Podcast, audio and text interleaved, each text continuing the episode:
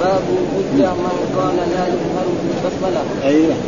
قال حدثنا محمد بن مثنى وابن بشار كلاهما عن غندار.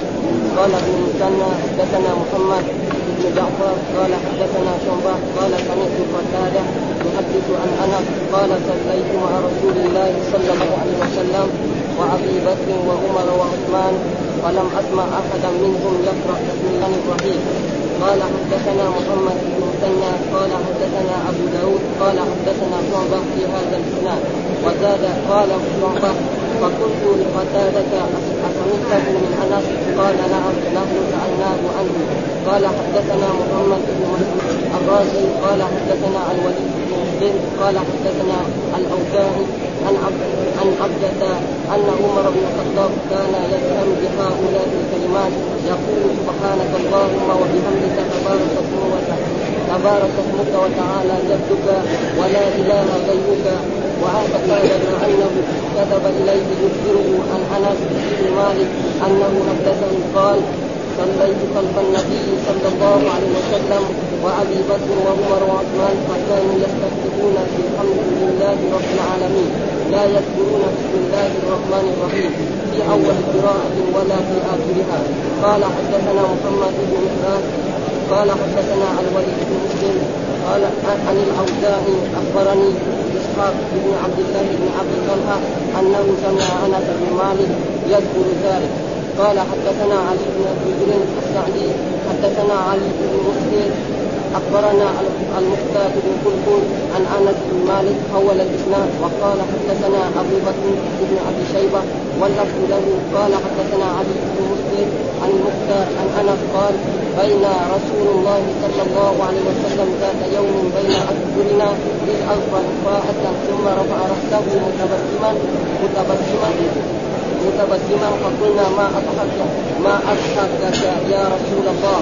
قالت أنزلت علي انفا سورة فقرا بسم الله الرحمن الرحيم. إنا أعطيناك الكوثر فصل لربك وانهر إن شانئك هو الابتر ثم قال أتدرون ما الكوثر؟ فقلنا الله ورسوله أعلم.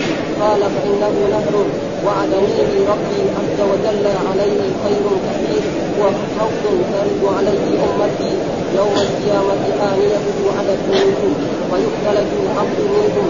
وعبد ربي إنه من أمتي ما أحدثت. بعدك زاد في حديثه بين أذكرنا في المسجد وقال ما أحدث بعدك.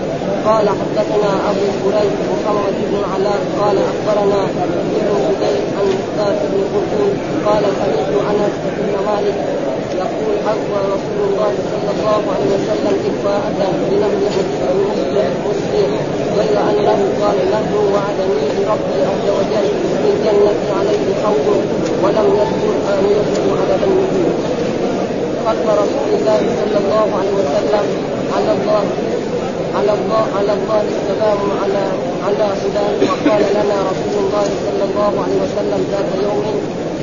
في باب في باب. باب وضع اليد اليمنى على اليسرى. باب وضع اليدين على الصدر في الصلاه أيوه. قال حدثنا زهير بن حدثنا عفان حدثنا حمام قال حدثنا محمد بن جهادة حدثني عبد الجبار بن وائل عن علقمة بن وائل ومولى لهم أنهما حدثاه عن ابي وائل بن أنه رأى النبي صلى الله عليه وسلم رفع يديه حين دخل في الصلاة كبر وصفى حمام رجال اذنين ثم التحف بثوبه ثم وضع يده اليمنى على اليسرى فلما أراد أن يركع أخرج يديه من الثوب ثم رفعهما ثم كبر فركع فلما قال سمع الله لمن حمده رفع يديه فلما سجد سجد فلما سجد سجد بين كفيه. أعوذ بالله من الشيطان الرجيم بسم الله الرحمن الرحيم. الحمد لله رب العالمين والصلاة والسلام على سيدنا ونبينا محمد وعلى آله وصحبه وسلم أجمعين. قال الإمام الحافظ أبو الحسين مسلم بن حجاج القشيري النسابوري والترجمة الذي ترجمها الامام النووي باب حجة من قال لا يجهر بالبسملة أن البسملة يشر بها وجاءت أحاديث بهذا المعنى كثير كانوا لا يجهرون بها وكانوا يسرون بها وأصح الأقوال أنه يجوز الجار ويجوز الاسرار فمن جار بها جاز ومن اسر بها جاز ولكن الذي يظهر أن أغلب ما كان الرسول تسر بها. الإصرار كان أكثر. فقال باب حجة من قال لا يجر بالبسمله لأنه يقول كانوا لا يجهرون كانوا لا يقرؤون بسم الله لا في أول قراءة ولا في آخر. يعني جهرا وأما سرا ف... وفي أحاديث تدل على ذلك. كل أمر ذي بال لا يبدا فيه بسم الله فهو افضل إلى غير ذلك من الأحاديث. فلأجل ذلك الجهر بالبسمله يجوز والإصرار بها يجوز. وأما تركها مرة فهذا تقريبا أدلة لا تساعد على ذلك. وإن كان بعض من العلماء يرى أن أنه لا لا لا يقرأ البسمله لا في الصلاة ابدا. ها واستدلوا بحديث أن الرسول كان يبتدئ الصلاة بالحمد لله رب العالمين. ها كالمالكية كده يقولوا في إيه؟ في كتبهم الحمد لله رب العالمين وأنه ما في إيه؟ بسمله لا. ولكن الأصح هو أنه لو جهر بها وكذلك هي سنه يعني ليست ركن من أركان إيه؟ ها زي الفاتحة لو ما قرأ الفاتحة صلاته باطلة لكن ما قرأ البسملة ولكن بعض الأئمة كالشافعيه الشافعي الله تعالى وكذلك مذهبه أن البسملة في الفاتحة آية من إيه؟ إيش الدليل على هذا؟ قال حدثنا آه محمد بن مسنى حدثنا أبو داوود حدثنا شعبة بهذا الإسناد وزاد قال شعبة فقلت يا لقتاده اسمعته من أنس؟ ليه هذا؟ عشان قتادة عنده تدليس آه دعامة بن آه دعامة السدوسي. قتاده بن دعامة السدوسي عنده إيه؟ تدليس. والمدلس ما يقبل حتى يقول إيه؟ سمعته أو أخبرني. وهذا حين فلذلك سألوه. ها؟ قال شعبة فقلت لقتادة سمعته من أنس؟ قال نعم. ها؟ ما قال عن أنس. عشان إيه؟ يجي إيه؟ التدليس. ها قال حدثنا محمد بن عمران الرازي قال حدثنا الوليد بن مسلم حدثنا عن عبدة أن عمر بن كان يجهر بهؤلاء الكلمات. ها؟ كان يجهر يعني ما إذا يعني ما كان يقرأ بسم الله مرة واحد أو كان يسر بها. هذا الكلام يعني. ها؟ كان لا يجهر إيه بل يجهر بإيه؟ يكبر تقول سبحانك اللهم وبحمدك وتبارك اسمك وتعالى جدك ولا إيه؟ ولا يقول بسم الله الرحمن أو مثلا بعد ما يقول سبحانك اللهم وبحمدك وتبارك اسمك وتعالى جدك مع إنه يعني هي البسملة مع الفاتحة. يعني البسملة مع مين؟ مع الفاتحة مو مع الاستفتاح ف يعني هذا استدلال فيه شكليه كان يجهر بهؤلاء الكلمات يقول سبحانك اللهم وبحمدك وتبارك اسمك وتعالى جدك ولا إله غيره. ها؟ وهذا الاستفتاح يعني اختاره الإمام أحمد من بين الاستفتاحات الثابتة عن رسول الله صلى الله عليه وسلم ويقول هذا الاستفتاح في إيه؟ تمجيد لله. ها؟ في تمجيد وثناء للرب سبحانه وتعالى فأنا يعني أختار.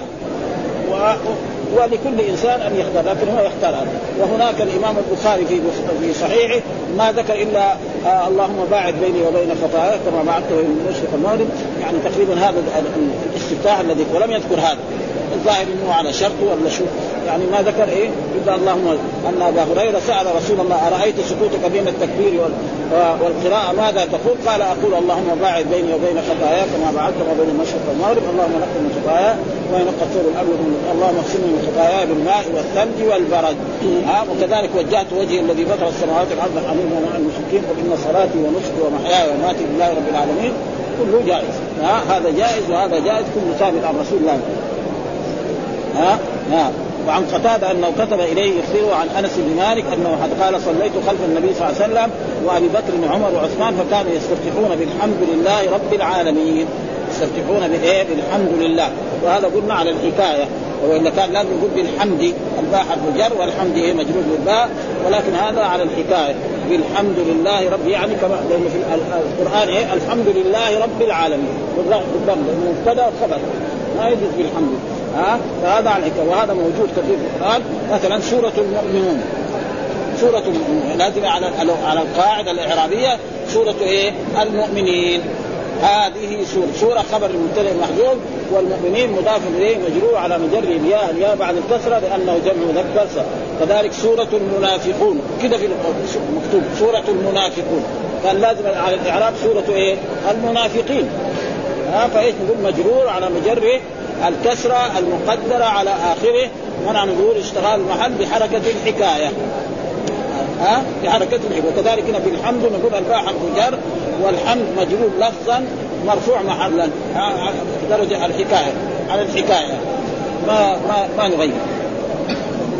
لا يذكرون بسم الله في أول قراءة ولا في آخره، طيب لا يذكرون مرة أو يسرون بها. هذا هو الكلام، وعلى كل حال الأصح إنه يجوز الجهر بها والاصرار بها، وأما مذهب الإمام الشافعي رحمه الله تعالى فمن لم يقرأ بسم الله الرحمن الرحيم صلاته باطله عنده ها ويقول أن سورة الفاتحة سبع آيات ومنها بسم الله الرحمن الرحيم. آية وهناك يعني إن الصراط المستقيم صراط الذين أنعمت عليهم إلى آخره. هذه آية فيصير سبع آيات. وعلى كل حال مسألة فرعية والأحسن أن مرة يجهر بها ومرة يسر بها فيكون هذا تقريبا يعني أقوى وأحسن دليل.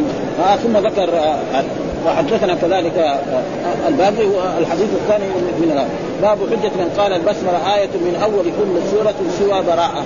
ها وهذا كذلك هو يعني مذهب الإمام الشافعي رحمه الله تعالى وهناك من العلماء من يخالف في ذلك ويقول أن بسم الله آية من كل القرآن وآية من سورة إيه؟ النمل. وليست من إيه؟ من سورة الفاتحة وليست من كل سورة إنما هي آية من آيات القرآن كله. ها وآية من سورة إيه؟ آه النمل. إنه من سليمان وإنه بسم الله الرحمن الرحيم.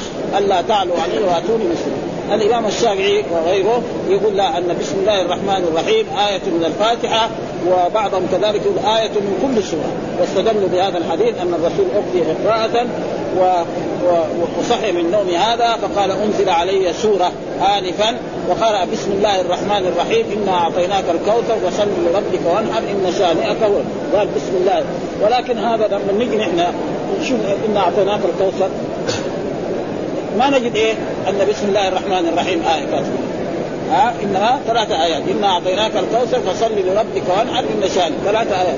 يكتبوا في إيه آياتها كم؟ الكوثر ثلاثة آيات. ما يقول أربعة. بس هذا بيعكر إيه؟ يعكر على الموضوع يعني. وعلى كل حال قلنا المسائل الفرعية يصير فيها خلاف بين الأئمة وهذا لا يضير. ها ولذلك الرسالة التي يعني ألفها شيخ الإسلام ابن تيمية هي رفع الملام عن الأئمة الأعلام. كذا رسالة بهذا رفع الملام عن الأئمة الأعلام.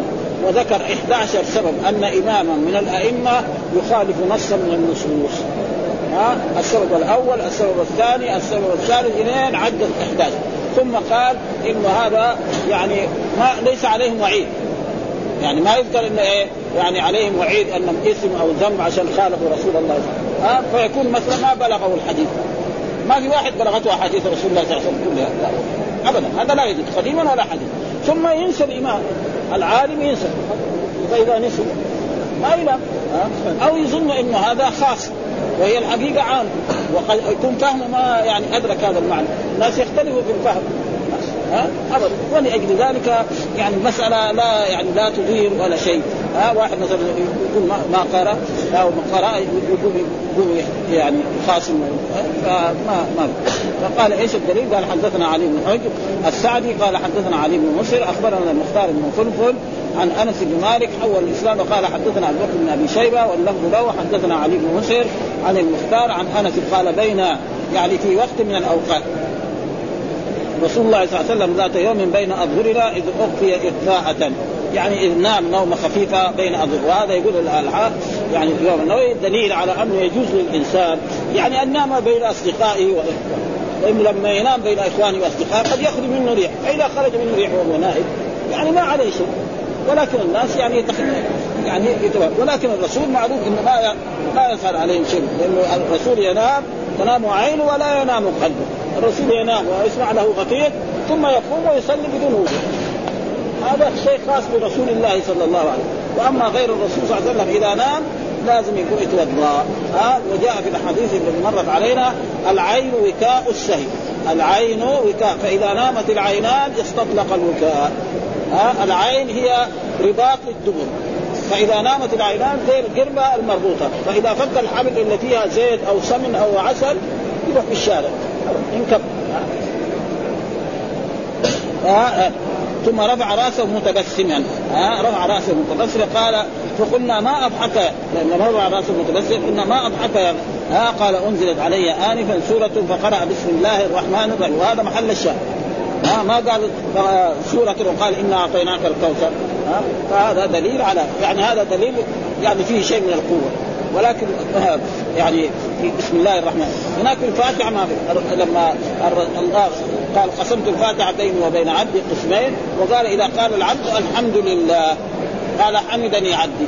ما قال إيه؟ بسم الله الرحمن الرحيم. فلذلك مسائل فرعية. ليس إنا أعطيناك الكوثر فصل لربك وانحر إن شانئك هو ها؟ ف إنا أعطيناك الكوثر. آه الكوثر هو يعني نهر في الجنة. دخله الله لرسولنا محمد صلى الله عليه وسلم. آنية عدد نجوم آه طوله شار وعرضه شار. من يشرب منه شربة لا يظمأ بعدها أبدا. وهل للأنبياء أحواض؟ نعم. الأنبياء الذين تقدموا قبل رسول الله لهم أحواض ولكن أحواضهم ليست إيه مثل هذا في الإيه في الكبر وفي العظمه ها؟ ليس معنى هذا بس بس من رسول. وما الأنبياء كعيسى وكنوح وكهود وكصالح. كلهم لهم ولكن هذا الحوض أكبر وهذا ما يقرره العلماء في هذا المنطق قال إن فصل لربك وانحر. وقد أخذ بعض العلماء فصل لربك وانحر يعني ضع يدك على نحرك. ها وبعضهم فصل صل لربك وانحر يعني اذبح. ها كما قال في آية إن صلاتي ونسكي ومحياي ومماتي لله رب العالمين لا شريك له وبذلك أمرت وأنا أول. إن شانئك هو الأبتر. يعني إن مبغضك شانئ معناه مبغضك هو الأبتر هو المخدوع. ليه؟ هذا كان بعض كفار قريش قالوا إن محمدا صلى الله عليه وسلم ما له أولاد ذكور معناه يقعد يعيش مثلا سنوات يموت يصير ينقطع. أجل ها فأنزل الله تعالى هذه وكانت في, يعني نزلت في العاص بن وائل نزلت في العاص بن وائل هذا قال إن محمد هذا ابتر ها ابتر يعني يعيش ما عاش بعدين يموت. فإذا مات ينقطع. نستريح منه. فالله أنزل هذه الآية إن شانئك إن مبغضك هو الابتر هو الناقص ها وهو الابتر الذي ينقطع. وقد يكون حصل هذا الدعاء ويمكن مات هذا كافرا مشركا وليس له عقل. أما رسول الله صلى الله عليه وسلم فله عقل من الإناث. ها؟ لا ما من الذكور ليه؟ لحكمة يعلمها الرب سبحانه وتعالى. ومن تلك الحكمة لو كان مثلا بعدين تصير كسراويه مثلا لما توفي الرسول وكان له ولد عمره 15 سنة أو 10 سنوات. يقول هذا الخليفة. هذا يصير كسرى ها كل ما مات كسرى يصير كسرى وما بين أبو بكر وفين مثلا. يعني مثل ما عمل معاوية. معاوية يحاول إنه لازم ولده يزيد يكون إيه؟ خليفة بعده. هذه حكمة. الرسول ثم الله قال إن بني هاشم لهم النبوة والرسالة. الملك ياخذه ناس آخرين. هذا ملك ها؟ من معاوية إلى إلى يومنا هذا يسمى ملك وجاء دحين مسائل جمهوريات كمان أخص من الملك. ها؟ ممكن الملك ذكره الله في كتابه. ها؟ ها؟ قال أتدرون من قال قلنا الله قال فإنه نهر وعدنيه ربي عز وجل خير كثير. هذا خير كثير ومن جملة الخير الكثير الشفاعة وغير ذلك. حوض ترد علي أمتي والمراد بالأمة أمة الإجابة. ها أمتي الأمة نوعين أمة إجابة وأمة دعوة. فجميع الأمة الموجودة في العالم الآن أمة محمد صلى الله عليه وسلم سواء رضوا أم أبوا. ولكن هذه الأمة انقسمت إلى قسمين. أمة إجابة شهدوا أن لا إله إلا الله وأن محمدا رسول الله وامتثلوا أمره واجتنبوا نهيه وقد ارتكبوا بعد يمكن ارتكبوا بعض المعاصي برضو أمة الرسول ليسوا كفار. وأمة الدعوة كل العالم الآن أمة إيه؟ آنيته يعني كيسان. إيش الآنية يعني كيسان الذي يشرب بها عدد نجوم السماء. فيختلج العبد منهم. فأقول ربي إنه من أمتي. يعني ينتزع. يعني يطرد. الملائكة تطرد ما تخليه ويقطع فيقول أمتي. يعني أمة الاجابه ها فيقولون ما تدري ما أحدثت بعدا. ها يعني أحدثوا بدع. فلذلك نمنعهم من إيه؟ وجاء في بعض الأحاديث مرت عليها فيقول أصحابي وهذا الشيعة مسكت أصحابي قال إن أصحاب الرسول ارتدوا عن دين الإسلام. هذا موجود في البخاري. ها, ها؟ فاصحابي يعني لا يلزم من ذلك أنهم أصحاب الرسول. فإن بعض المنافقين يسموا إيه؟ صحابة. الصحابه الموجودين في عهد الرسول اسمهم إيه؟ اسمهم كفار اسمهم أصحاب. ها؟ فهذول هم الذين اما اصحابه ها؟ أبو بكر وعمر ولأجل ذلك يفسر القرآن بهواهم. والله يقول السابقون الأولون من المهاجرين والأنصار والذين اتبعوهم رضي الله عنهم ورضوا عنه. رضي الله. بعد ما يرضى عنهم ها؟ ويقول كل أصحاب الرسول ارتدوا عن الإسلام وكفروا بالله. ها بعد ما كانوا اصحابه وكانوا مسلمين إلا جماعة قليل وهو يعني علي بن أبي طالب والحسن والحسين وأمثال ذلك. وأما الباقيين كلهم ارتدوا عن الإسلام. آه مشكلة. ها هذه جمهورية إسلامية. ها؟ فهذا ما ما احد هذا بعدك يعني ما احد وكذلك إذا قلنا أصحاب فيطلق على إيه؟ على على المنافقين. لأن الصحابة يسمى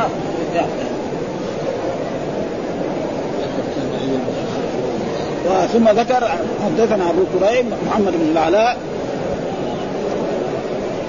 أخبرنا ابن فضيل عن مختار بن فلفل قال سمعت أنس بن مالك يقول أخفى رسول الله صلى الله عليه وسلم اخفاء يعني نام نومة خفيفة.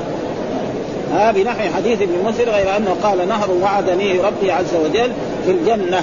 ها علي حوض ولم يذكر آنية.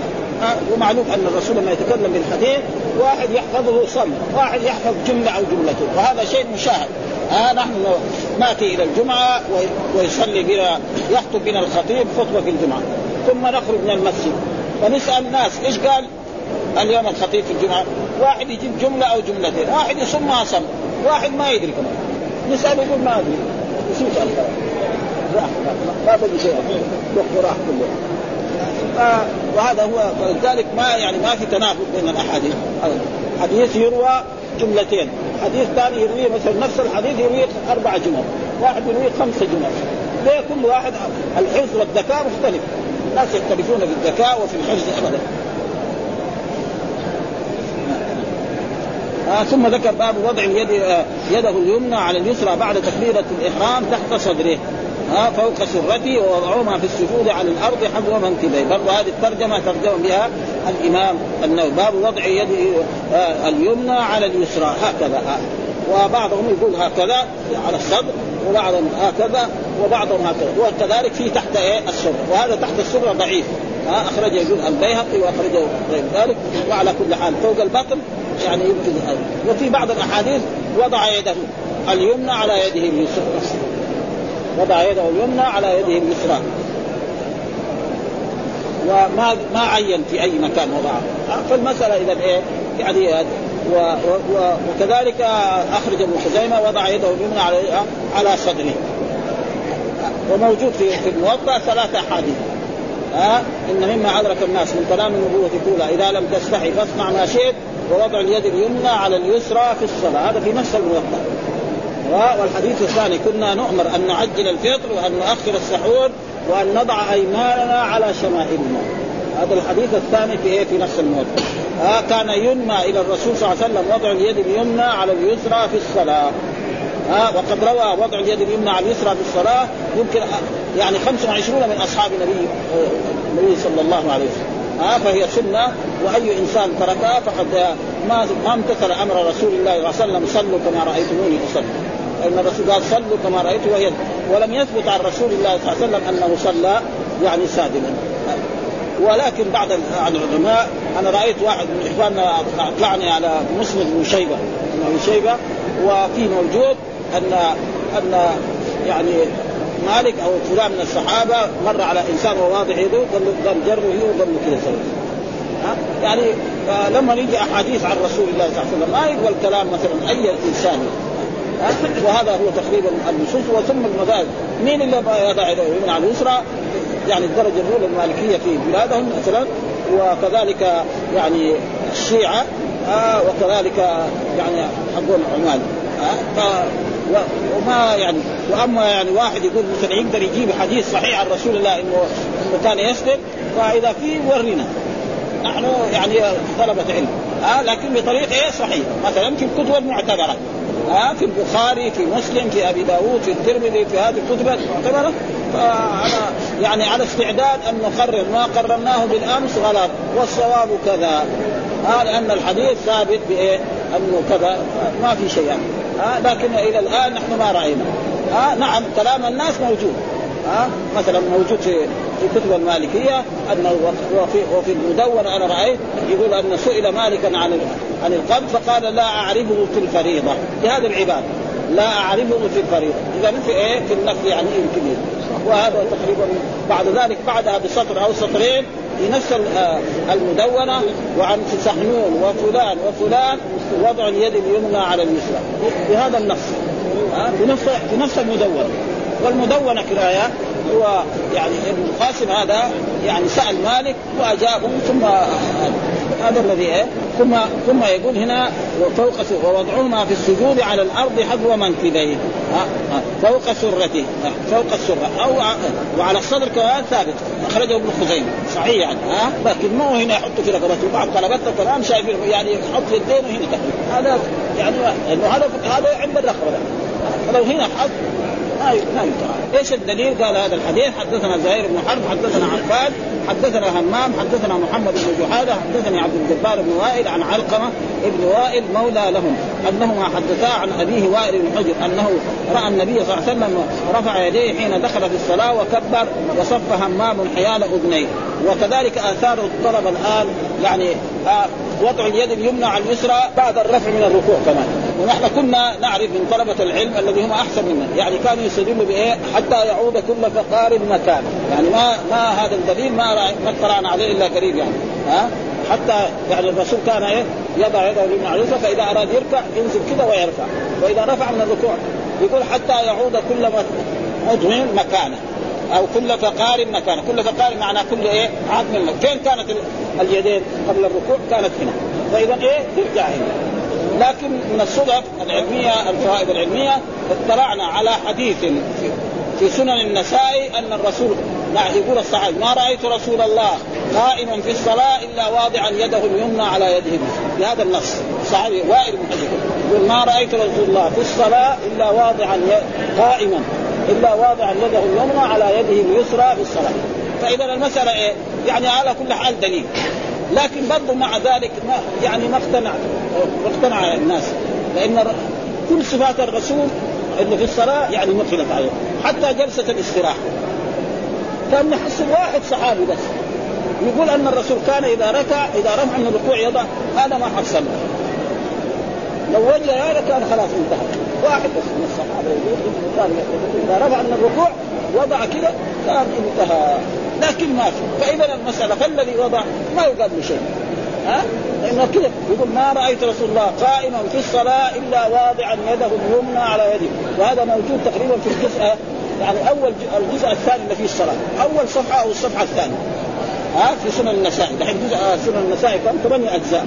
ها؟ فأول جزء الجزء الأول غلد المجلد الأول الجزء الثاني.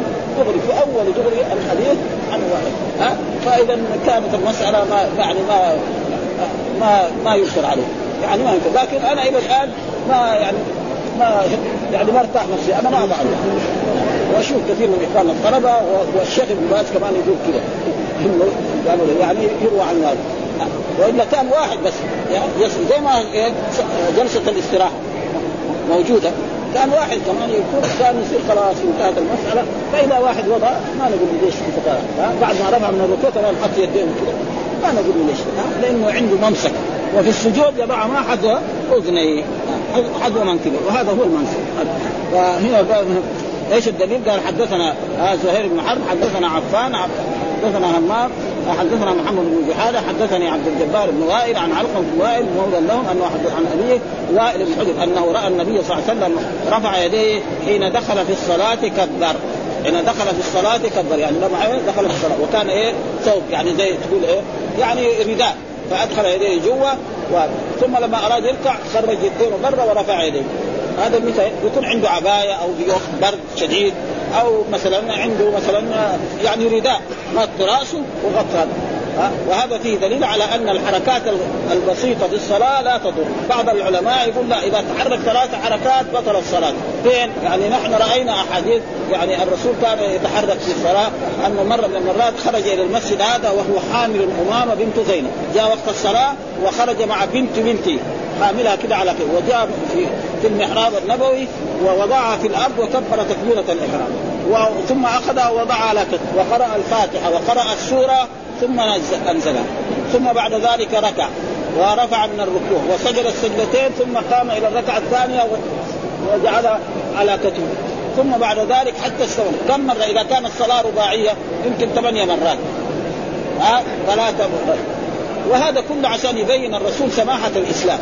أن الإسلام سهل وسمع وأنه ما في أسرار ولا أغلال. مثلا رجل تعلق به ابنه أو طفله مرة وحمله مثل ذلك. وجاء في حديث برضه مرة الرسول صلى الله عليه وسلم أن بينما الرسول كان ساجدا آه إذ جاء الحسن وركب على ظهر رسول الله صلى الله عليه وسلم فالرسول طول في السجود سجدته حتى بعض الصحابة ظنوا بلكن مات. رفع واحد من الصحابة جاء الحسن راكب عليه ها يقول هذا الفرس هذا ولا البعير زي ما أبدا. ثم رجع سجد ثم لما رفع الرسول انتهى قال ان إن ابني ارتحلني. بهذه العبارة إن ابني ارتحلني وكرهت أن أعاجله. لأنه فرحان. ها ركب على جده يقول هذا البعير ولا دحين في عصرنا هذا يقول هذا هذا الصاروخ دحين ها لأنه يعرف ولد صغير يعرف الصاروخ دحين لأنه جايبين لعبات كذا على شكل الصاروخ وعلى شكل السيارة ها ويشتريها. يقول صاروخ هذا. ها ثم واحد يقول لك هذا ضرورة. ها بعضهم يقول مثلا يقول لو لو خشع قلبه هذا لخشعت جوارحه يعني كثير يستدل بهذا. وإلى الآن نحن ما رأينا هذا الحديث. فإذا في أحد من إخواننا اطلع على هذا الحديث في كتاب صحيح آه يطلعنا عليه.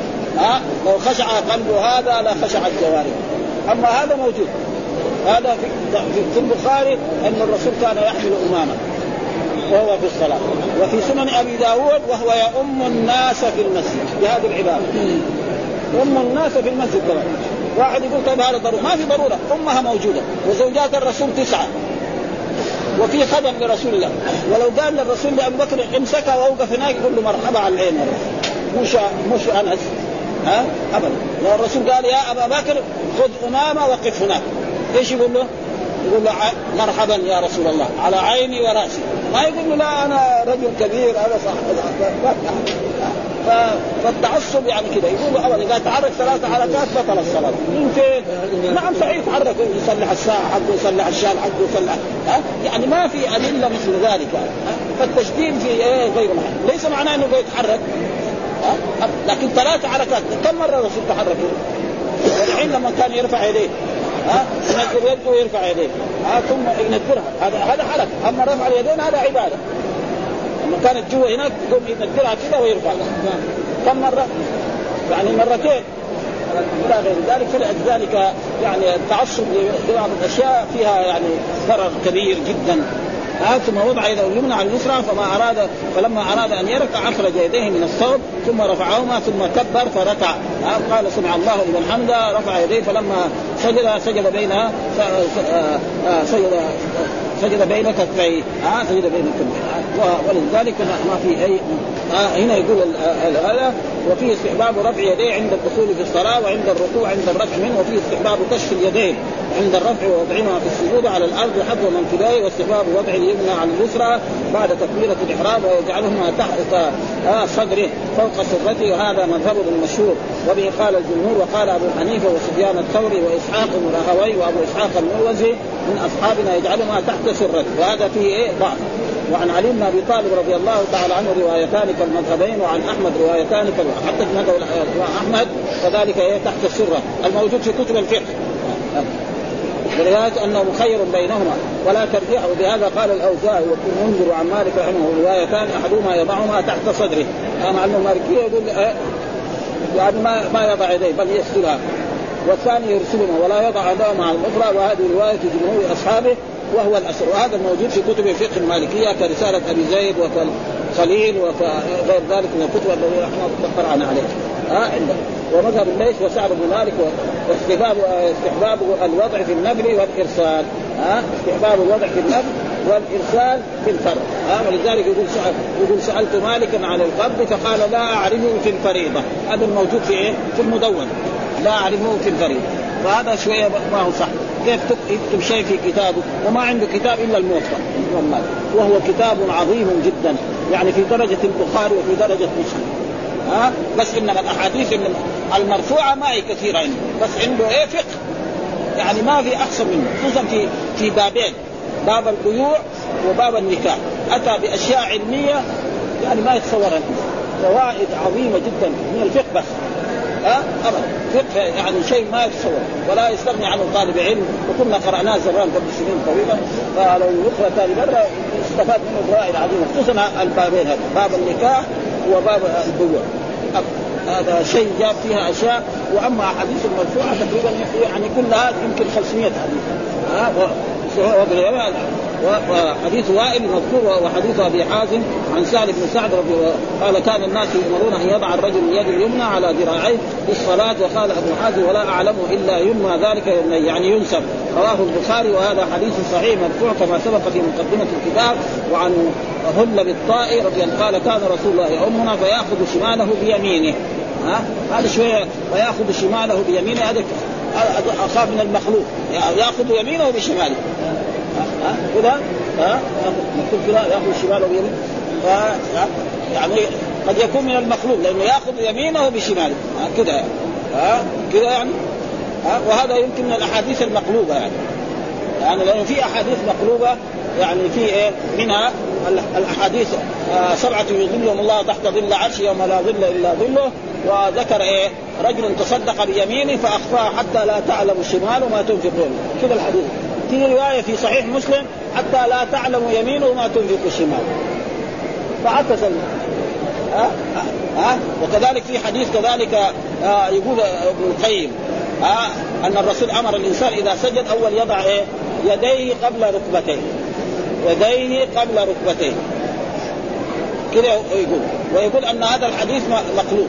إنما إيه؟ يضع ركبتيه قبل يديه.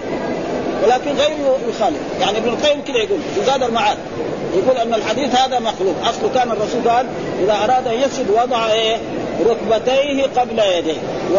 وأكثر الناس يعني إذا كبر سنه ما يقدر يضع يديه قبل ركبتيه ما يقدر رجل كبير في الجسم أو ضخم في الجسم ما يقدر إلا يضع أول إيه؟ ركبتيه قبل يديه. واحد شباب كله سوا بل يديه قبل ركبتيه أسهل يعني. ها؟ وهناك في حديثين هل يضع يديه قبل ركبتيه أو ركبتيه قبل يديه مسائل يعني فيها خلاف. والأحسن ما دام هذا حديث صحيح وهذا حديث صحيح وقد رواه فالمسألة الشيء الذي يعني يعني يسهل للإنسان يفعله. وهذا الظاهر انه لو كان يعني وإن شاء الله المسألة. رواه ابن خزيمة وكذلك قال صليت وضع يده اليمنى على يده اليسرى على صدره. هذا ها؟ على صدره. هذا شو رواه ابن خزيمة في صحيح وأما حديث عليه أن من السنة في الصلاه وضع الأكف على الاكف تحت السر ضعيف متفق على ضعفه. رواه الدار قطني والبيهقي من رواية أبي شيبة عن عبد الرحمن بن إسحاق الواسطي وهو ضعيف. ها؟ وقد يعني كتب الحنابلة كذلك موجود فيها كذا ها انه يضع يده تحت سرته مع أن الحديث ضعيف. فلذلك يعني هذا شوية الباب هذا طويل. ها نوقف على هذا الباب والحمد لله رب العالمين وصلى الله وسلم على نبينا محمد وعلى آله وصحبه وسلم.